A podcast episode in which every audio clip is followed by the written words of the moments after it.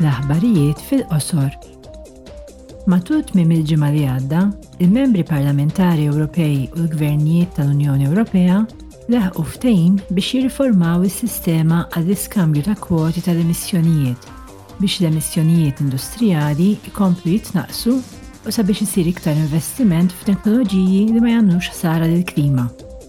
L-emissjonijiet mis-setturi koperti mis-sistema għall-iskambju ta' kwoti tal-emissjonijiet għandhom jonqsu bi 62 fil-mija sal-2030 meta mqabbla mal-2005.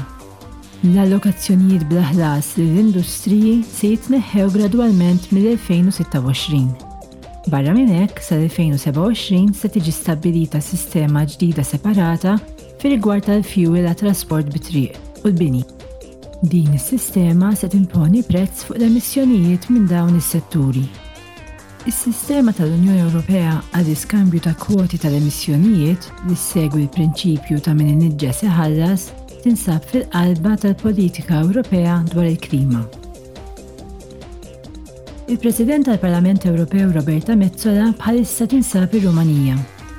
Ilbieraħ hija ltaqgħet mal-President tar-Rumanija Klaus Iohannis u mal-Prim Ministru Nicolae Ciuca.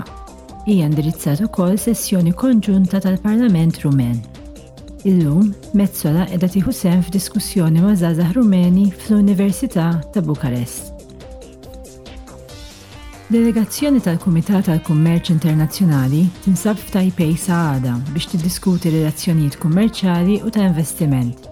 Il-membri parlamentari Ewropej se jiltaqgħu ma' rappreżentanti tal-Gvern u tal-Yuan Leġiżlattiv, li huwa l-korp leġiżlattiv unikamerali tat-Tajwan, kif ukoll mas-soċjetà ċivili u mas-settur privat.